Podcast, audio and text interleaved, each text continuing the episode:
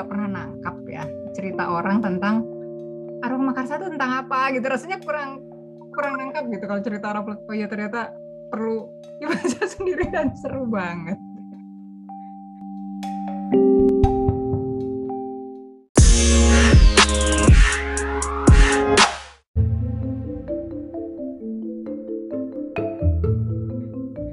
Aroma karsa itu jadi ini tuh aku tuh juga suka nggak nangkep nangkep ya kalau baca review orang. Jadi apa? Tentang gimana gitu saking kayaknya panjang lebar gitu ya. Tapi intinya tuh memang tentang perjalanan mencari bunga yang dipercaya bunga itu bisa memberikan kekuatan gitu kan. Bisa memberikan kekuatan. Jadi kalau ini tuh didapat dari hasil curian seorang nenek gitu ya dia tuh dulu apa sih orang keraton itu pembantu keraton itu. Nah gitu. Abdi dalam. abdi dalam. dia dulu abdi dalam gitu. Jadi terus dia mencuri sesuatu eh, lontar gitu. Nah lontar itu bercerita tentang ada bunga yang sangat ajaib. Bunga itu kalau dioleskan ke kita yang pertama tuh memperbaiki hidup kita. Olesan kedua memperbaiki keluarga. Olesan kedua tuh kayak memperbaiki dunia gitu. Wah cerita. Nah terus pada saat itu tuh kayak dipercaya gitu kejadian-kejadian di dunia ini kayak Raja Majapahit apa ya karena menguasai tahu itu gitulah. Terus sampai e, cerita dari si nenek ini benar si nenek ini akhirnya jadi jadi hebat gitu loh. Dia tuh cuma anak abdi dalam tapi terus dia bisa jadi pemimpin perusahaan kosmetik terbesar gitu di Indonesia. Aku langsung mikir yang punya Mustika Ratu gitu kan. Ya kayak kayak gitu settingnya kan Nah, uniknya itu kenapa aku tertarik? Aku kan sebelum baca yang aroma karsa ini baca itunya dulu ya, apa di balik aroma karsanya gitu loh. Beberapa waktu yang lalu tuh aku nemuin buku proses pembuatannya aroma karsa gitu. Jadi udah tahu sebenarnya gimana cara buatnya. Aku nggak terlalu tertarik sebenarnya baca aroma karsanya, lebih tertarik gimana cara dia bisa bikinnya. Nah, sekarang baru baca bukunya gitu kan, jadi tahu. Oh, ini maksudnya gitu ya. Jadi jalinannya tuh jadinya begini gitu ya Nah, jadi terus si perjalanannya itu si neneknya ini dia meninggal, dia itu rahasia kan sebenarnya si lontar itu. Terus eh, disampaikan lagi ke cucunya. Nah, inti ceritanya dari si cucunya ini dia juga melanjutkan si perusahaan itu. Misinya mencari si bunga itu gimana caranya? Karena bunga itu eh, hanya bisa didapat dengan cara penciuman gitu, hanya bisa kalau dicium. Nah, akhirnya ketemulah ada terus namanya apa ketemulah ada orang-orang yang yang bisa menciumnya terus diarahkan mencari ke ke gunung gitu ya. Di situ ada mistis-mistisnya emang gitu kan. Ya yang bikin menarik tuh eh, apa ya plot twist gitu ya. Plot twist banget ceritanya gitu sampai ke akhir gitu. Terus cerita lainnya ya? Settingnya settingnya teh settingnya tahun sekarang sekarang sekarang lah. Bisa sekarang sekarang itu dari dari waktu itu kan uh, berapa generasi ya? Ini cucunya cucunya. Jadi si nenek itu meninggal. Oh, flashback gitu ya? Bukan setting zaman dulu gitu ya? Neneknya itu mungkin zaman dulu gitu ya. Terus uh, ya gak terlalu dulu dulu amat. Jadi sekarang sih zaman sekarangnya si si cucunya ini uh, berumur 50 tahunan. Dia mencari anak muda yang bisa mencium ini yang umur 26an waktu itu. Jadi ceritanya si cucunya ini yang nanti disuruh mencium bunga itu umurnya 20-an gitu gitu.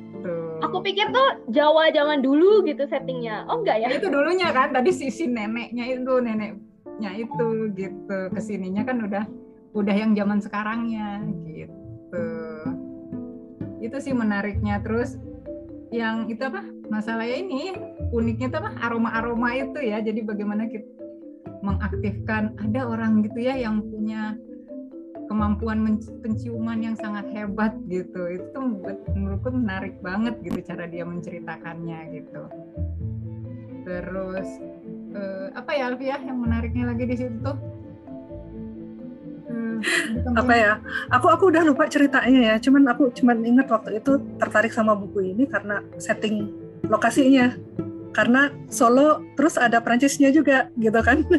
Terus jadi jadi asik gitu loh buat aku ya karena ada Solonya oh, terus ya, ya? Solo ya itu ya? Solo ya dan Solo terus Gunung Lawu dan sebagainya gitu kan kayaknya aku bisa membayangkan uh, daerahnya gitu. Terus waktu dia ke Perancis kebetulan dia kan ke Gras ya. Gras itu nggak jauh dari sini. Jadi kalau teman-teman mau ke ke Gras napak tilasnya Dewi Lestari ayo dekat gitu. Jadi aku merasa lebih lebih gampang buat uh, ini ya Dress itu yang bikin parfum itu bukan sih? Iya oh, uh, yang, tempat aku pernah baca novel perfume itu settingnya iya iya. Horor oh itu ya kan kan settingnya zaman dulu ya. Kalau ini benar-benar aktual sekarang jadi menarik sih. Plot twistnya sih yang menarik pesan-pesannya itu sih. Jadi ya ternyata apa namanya uh, nggak nggak literally kayak gitu gitu. Kan kita kira kayaknya lurus aja ya mencari bunga. Nanti kalau bunganya ketemu ya udah gitu. Ini enggak gitu loh. Sampai halaman terakhir tuh dia memuat memuat suatu kemungkinan gitu loh. Itu yang tapi bukan fantasi ya teh? Bukan fantasi gitu. Fantasi. Maksudnya fantasinya tuh diceritakan gamblang atau uh, fantasi. aja gitu ada ya enggak sih fanta fantasinya tapi apa ya kayak ya itu tadi ada bunga yang dipercaya itu tuh ada prasastinya gitu tapi itu ngarang kan dianya iya gitu. uh, maksud aku bukan fantasi yang kayak awan terbang apa gitu enggak ada ada ada ini sih ada kehidup ada mistisnya. Jadi misalnya di bunga itu tuh ternyata ada di sebuah kerajaan yang agak mistis jadi tertutup gitu. Jadi kalau orang awam nggak bisa lihat gitu lah. Goib goib. Goib uh, uh, masuk ke kayak gitu. Jadi kayak KKN Dewa Penari tuh lah kayak di daerah-daerah yang kayak Wuhi. uh, uh, ada ada. Masuk masuk ke situ lah gitu ceritanya. Jadi nanti ada ya ternyata bisa dicinat ternyata bunga itu ya di sana gitu dan kebalik gitu. Ternyata sebenarnya bukan kan tadi ya dipercaya kita mau ambil bunganya. Sebenarnya bunganya tuh kayak punya ini gitu punya sesuatu gitu. Malah dia yang mempengaruhi orang-orang di sekitarnya gitu. Bunganya itu hidup gitu loh. Jadi plot lebih twistnya gitu di bunganya ya plot twistnya. Iya di bunganya gitu loh. Kan ya unik aja gitu nggak nyangka kita akan begitu arah ceritanya gitu. Kira itu bunga benda mati yang ditemuin gitu kan ternyata nggak begitu Iya keren. Aku lupa aja. deh. Ketemu ya bunganya ya. Aku lupa. Ketemu bunganya. Bungunya itu kan menitis gitu loh ternyata. Dia tuh mencari titisan. Jadi kalau dia tuh bisa nggak apa-apa lah ya, udah disebarkan. Jadi mencari titisan. Jadi kalau dia dia tuh juga berusaha supaya semua orang menemukan dia. Dia tuh lagi dikunci sebenarnya.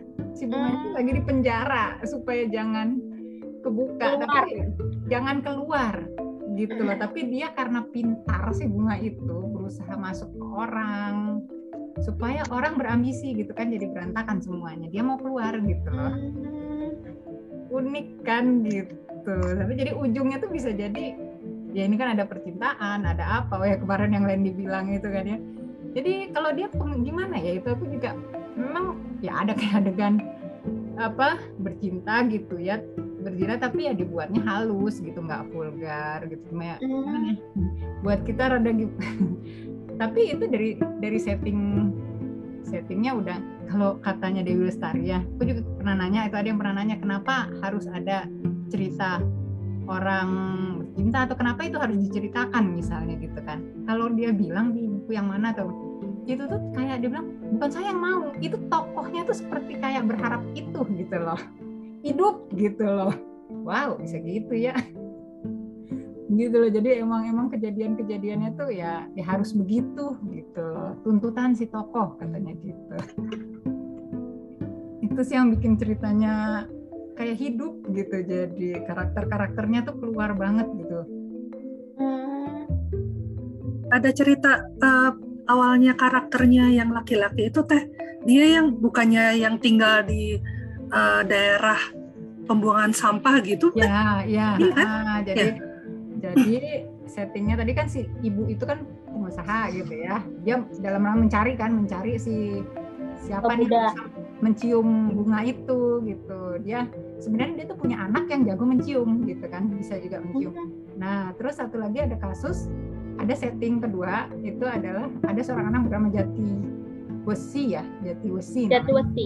Jati Wesi, Jati Wesi itu bisa nyium. Uh, dia tuh kerja di tempat parfum, apa parfum bohongan gitu. Apa namanya saya? Toko parfum yang refill, toko parfum refill.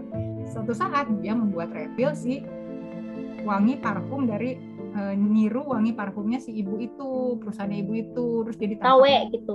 KW-nya gitu. Terus ditangkaplah dianya itu, ditangkap masuk penjara gitu kan. Terus bilang kenapa ditangkap orang lain dia tuh biasa bikin yang parfum-parfum luar negeri gitu kan. Kalau parfum luar negeri katanya nggak apa-apa karena nggak nuntut sih yang punyanya gitu loh. Kalau yang ini nuntut jadi atau menurut hukum gitu kalau ada yang nuntut gitu nggak ya dihukum gitu loh. Jadi Oh, oh gitu. ya dalihnya ini ya, dalih hukumnya ya. Yang lain nuntut Tuh, soalnya.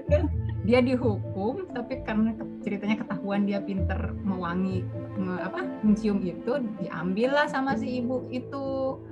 Disuruh kerja di perusahaannya gitu. Sebenarnya misinya nyari si bunga itu bareng anaknya dia gitu. Jadi nanti ada percintaan antara si Jati ini sama anaknya si ibu itu gitu.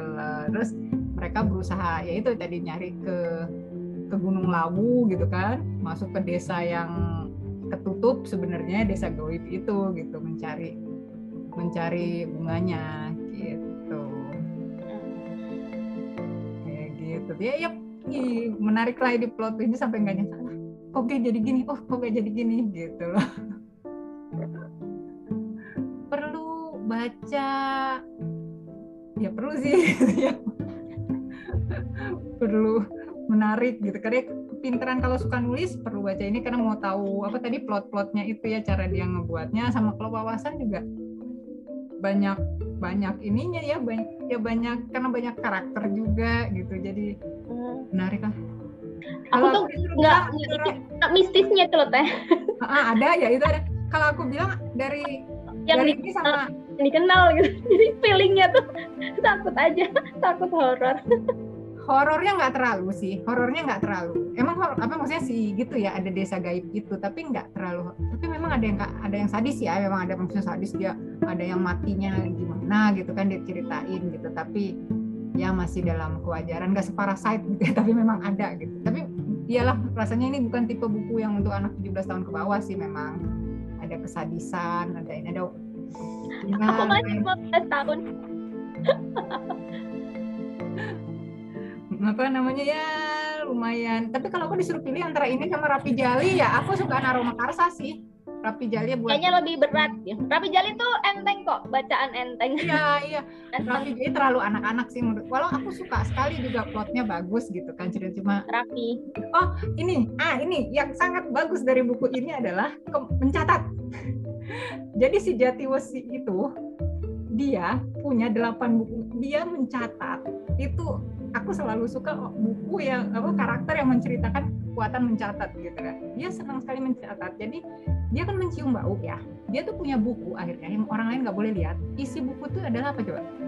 Eh, pas dilihat tuh eh, dia men- menulis bau belajar bau. Jadi waktu kelihatan waktu tulisan masih kecil kayaknya dianya masih muda.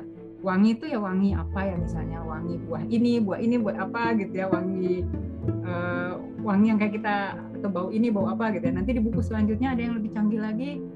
Eh, dia tuh bisa nyium bau meja bau kursi bau angin bau hujan gitu loh. Terus isi-isi catatan dia tuh adalah itu. Itu berbuku-buku gitu loh. Terus nanti ada namanya eh, yang ini yang nge- ngegabungin beberapa wangi beberapa wangi-wangi eh, dua wangi kombinasi gitu kalau nggak salah. Terus ada tuh sampai ya dia bisa nyium eh, kematian apa namanya? Misalnya mayat gitu ya. Mayat sehari mayat dua hari mayat tiga hari mayat empat hari itu dia tahu bedanya. Mayat bayi mayat kucing mayat gitu. Itu mirip ini deh teh, Iya, Mi- mirip karakter utama di novel Perfume yang tadi aku bilang settingnya di Grand oh iya iya pantas ya, Cuman aku baru ingat. banget gitu. oh kulit rambut ada yang bilang ya. Eh, itu kayak Ya. bilang itu niru parfum ya di, di buku yang di balik Ya. Aroma Karsa ada yang bilang oh Ah, emang emang kalau nggak salah dia bisa juga bikin ini kan ya, bikin parfum sesuai eh, yang sama dengan bau badannya siapa gitu kan kalau orang A, orang B, orang C gitu ya bisa bikin parfum dari minyak kulit-kulit gitu. Serem pokoknya. Kalau itu serem itu. jadi yang aku juga baru tahu kalau kita kan baju bisa dibikin sesuai pesanan kita nah iya itu nanti mereka tuh juga levelnya parfum itu dia bisa kombin ya bisa pesanan khusus gitu ya jadi kombinasi antara eh, orang supaya saya disukain orang itu bahwa bisa begitu juga gitu Iya, loh bener. jadi Bener sama ya, Kak Alfi ya. eh, gitu gitu kan wow canggih gitu kan Iya, di perfume itu kan. Dia bisa membuat orang mencintai dia hanya dari parfum yang dia semprotin. Oh, berarti bener ya terinspirasinya dari situ gitu ya. Iya, Itu iya. horor tapi ingetnya aku bacanya tuh udah berapa puluh belas tahun yang lalu tapi masih inget banget. Sangat berkesan lah pokoknya novelnya. Oh. Coba lah aku pengen baca tuh nanti perfume ya. Nggak, nggak belum Horor diterima. tapi horor. Oh, Tapi aroma karsa nggak nggak horor kayak gitu, Kak Ros. Thriller ini Jadi ya, dia nggak nggak mendistilasi orang. nggak mau ah, enggak, lebih drama aja sih ya. Drama aja sih. Dia dan dia dia menggabungkan dari elemen-elemen yang udah ada gitu si Jati ya. Iya kan dah ya. Jadi Ah, dia iya. dari dari yang udah ada tapi dibikin jadi parfum uh, dengan bau yang sesuai sama orang misalnya gitu ya. Kalau kalau parfum kan dia dari orang. dari orangnya. Iya. Ayo teh nanti baca teh. Iya, Teh. dicari. Kalau ada yang punya linknya dikasihin. Baca di mana ya itu ya? Ya, kira-kira begitu sih aroma karsa. Itu nggak terasa 700 halaman aroma karsa tuh. Alfi baca bahasa apa? Oh bahasa Indonesia ya? bahasa Indonesia ya. Aku udah diprotes sama eh, semua karena kan berat ya, besar dan berat. Dibawa sampai ke Perancis kan, ngurangin eh, jatah oleh-oleh. Tapi emang Dewi Lestari ini emang koleksi banget sih. Aku pengen banget ya bisa eh, suka suka lah sama dia tulisan-tulisan dia. Aku Sama sama mikir kan nanya kenapa sih bu- buat buku tebel-tebel gitu ya kan nggak beresiko nggak laku apa gitu ya waktu yang kayak Rapi Jali juga yang ketiga sampai segitu ya bagi dua aja gitu kan ya jadi empat kayak gimana kayak ternyata itu katanya dia tuh sengaja juga buat dalam rangka memuji gitu. Orang tuh bener nggak masih bisa baca buku setebal gitu kan? Oh iya bener. Kalau ceritanya bener menurut dia bisa gitu. Dia mau ngeliat itu juga sih. Padahal kan aku sih mikirnya ekonomis ya. Wah, oh, oh, mantep banget.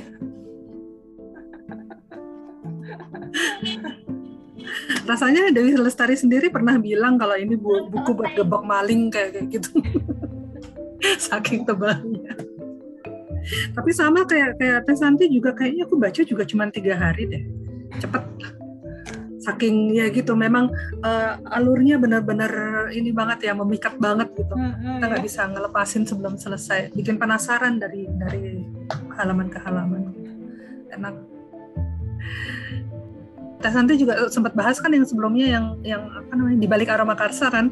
Itu juga jadi jadi lebih menarik juga karena di memang dari bukunya sendiri kan banyak banget ya aspek-aspeknya ya. Nggak cuman dari yang itu tempat pembuangan sampah Bantar Gebang ingat? Ah di Bantar Gebang itu dia dia benar-benar terjun ke sana kayak gitu kan? Terus Iya. eh, gimana dia, eh, gimana dia belajar tentang eh, pembuatan parfum yang yang kombinasi kombinasi kombinasinya meskipun dia nggak benar nggak menjalani tapi dia sempat eksperimen juga kayak gitu. Kayaknya ini juga ya niat Dan- gitu kan ya itu kayak aku- niat heeh, tuh dan kelihatan yang- hasilnya. Apa? Mhm. dia sampai mewawancarai Ananda Nikola itu kan. Aku sampai penasaran nih di bagian mana dia apa gunanya gitu kan mau mau mewawancarai seorang pembalap gitu. Ternyata ada adegan bahwa si si karakter ini dia bisa mencium sebuah bau di arena balap itu dan dia bisa memprediksi akan terjadi ada kebocoran di bagian tertentunya mobil balap ini gitu kan. Itu tuh dia beneran ngecek ke si Ananda Nikola bener nggak ada bagian itu? Mungkin nggak? Gitu kan. Bener nggak baunya ini bahannya ini? Gitu kan. Ya nah itu sih seniat itu gitu ya gitu kan. Bisa jadi modus itu ya? Ya ya kita pilih nanti ya bisa wawancara NCT gitu ya. Iya buat buku, saya mau nulis buku gitu ya. menulis tentang buku itu berlama-lama di SM gitu ya ya. Paling kalau kita orang lain nanya siapa lu? Gitu jadi kalau dia bilang Stari mau orang ngantri kali. Mau. Tapi ya itu menarik juga ya cara dia mencari datanya. Maksud tuh yang kayak dia ke Bantar Gepang itu dia nggak tahu. Tapi dia cari di twitternya siapa yang bisa menghubungi saya dengan orang Bantar Gebang gitu loh. Nanti dia ketemu gitu kan. Maksudnya dia bisa menggunakan sosial medianya cari linknya tuh kayak gitu gitu kan. Terus dia bisa ketemu ahli anggrek dia bisa ketemu ahli itu apa namanya eh, para dosen-dosen gitu kan. Ya ya itu yang mungkin track record orang ya. Kita tuh mungkin perlu membangun itunya gitu juga ya membangun koneksi yang benar gitu ya.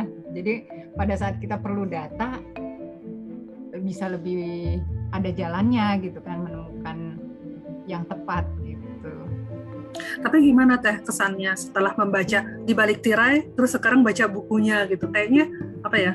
eh, sesuai dengan harapan nggak gitu? sesuai sesuai sesuai kalau aku sesuai banget jadi itu beneran perlu baca dua-duanya gitu ya jadi lebih utuh gitu ya ngelihatnya gitu kan bener kalau menurutku tuh perlu banget tuh baca ini untuk kalau kita berpikir mau jadi penulis ya pengen pengen nulis fiksi ya satu saat nanti gitu kan. Maksudnya ya itu menurutku sih perlu banget ya dua-dua bagaimana dia menyusun karakter gitu kan. Wah emang emang penulis yang disiplin sih menurutku. Tapi ya dia emang kelasnya kan udah teruji teruji belasan tahun gitu. Dia dan dia belajar dari satu satu novel ke novel yang lain tuh bener-bener eh, kerasa gitu. Dia kan nggak kayak siapa namanya kita novel yang Da Vinci Code itu siapa namanya? Si eh, Dan, Dan Brown, Brown. ya. Dan Brown tuh kan polanya gitu gitu kan. Gitu nggak terlalu gimana gimana polanya tuh dia kayak punya pakem gitu. Nah kalau Dewi Lestari kan kelihatan ilmu dia nambah dari novel ke novel gitu kan. Ada yang dia tam uh, ada kelihatan dia lebih pinter gitu. Dia lebih cerdas dari novel ke novel gitu loh.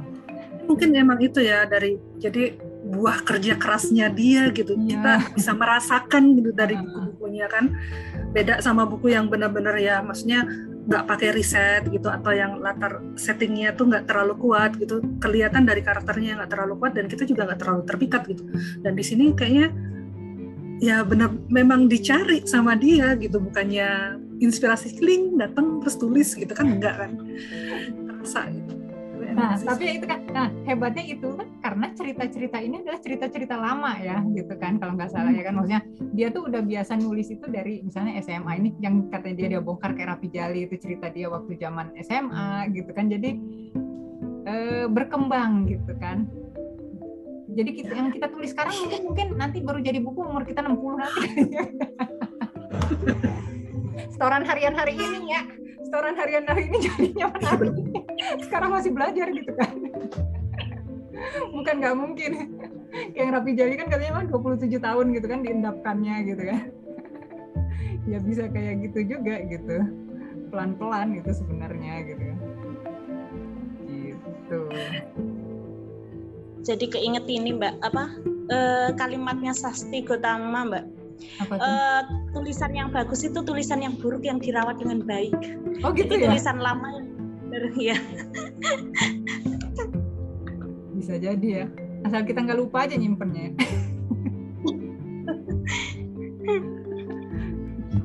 draft tuh masih berharga ya teh ya? Draft di blog tuh ya? Eh, setoran harian. Setoran harian. Iya gitu deh kayaknya. Aroma karsa sih Alfi ada yang mau ditambahin. Udah Udah eh, Teh, malah udah. diingetin. Heeh, jadi diingetin dua sama. Teh Santi. Dua jam lah. loh belum tiga jam. kita tiga jam? Oh, kita Tiga jangan jam tiga kita. jam. tiga jam atau empat jam? Iya. Ayo Karos kalau mau bagi-bagi. Belum selesai. Orang masih rapi jali tiga. Tebal banget gak habis-habis. Kelewatan terus. Aku waktu itu bacanya ya Ros ya. Rapi Jali 3 dulu karena itu di keluar dulu. keluar dulu kan ikutin itu sehari demi sehari itu kan 15 hari itu. Habis itu ya baru besoknya eh seminggu kemudiannya tuh itu di Parku punya satu dua. Cuma dikasih pinjam kayak tiga hari gitulah karena dia pas lagi ke Bandung. Ya udah baca itu dua hari. Langsung dua buku ya teh? Langsung dua buku gitu Iya, aku juga sukanya itu tuh kan ada ya kebiasaan mencatat si ibunya gitu ya. Aku tuh suka gitu kalau ada detail-detail yang orang-orang tuh pada biasa membuat nah, buku harian ya buku harian gitu kan. Betapa bergunanya gitu ya catatan-catatan itu tuh. iya bener tadi bahas soal parfum ya, soal aroma ya. Hah?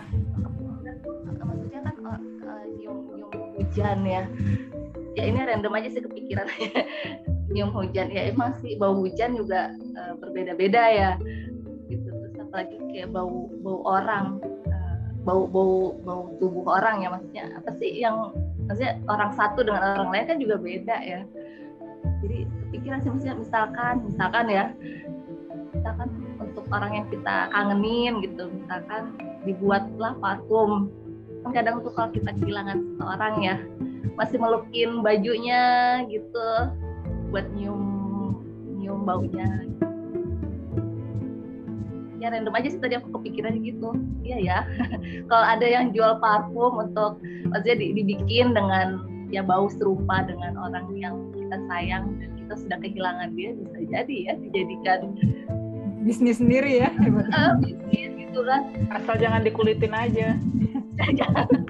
Maksudnya mungkin diolah sedemikian rupa dengan bahan-bahan kimia apalah Iya, jadi dia tuh uniknya tuh dia bisa tahu komponen. Nah, jadi ya misalnya dia cium bau ren ya. Ren itu itu adalah gabungan dari apa? Misalnya bau pisang, bau ini, bau ini, bau ini gitu loh. Dia bisa begitu sistemnya tuh nanti cara berpikirnya tuh lucu banget gitu. Segala kotoran aja dia pokoknya aneh-aneh lah gitu baunya. jadi bukan nanti yang bikin dia penasaran eh, uniknya tuh nanti apa yang paling apa? Ini bau apa yang dia paling bingung tuh? Ada bau yang dia nggak tahu gitu. Ini tuh apa ya? Gitu kan.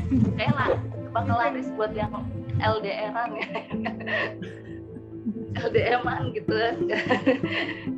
oh udah di pikiran aja tadi. Oh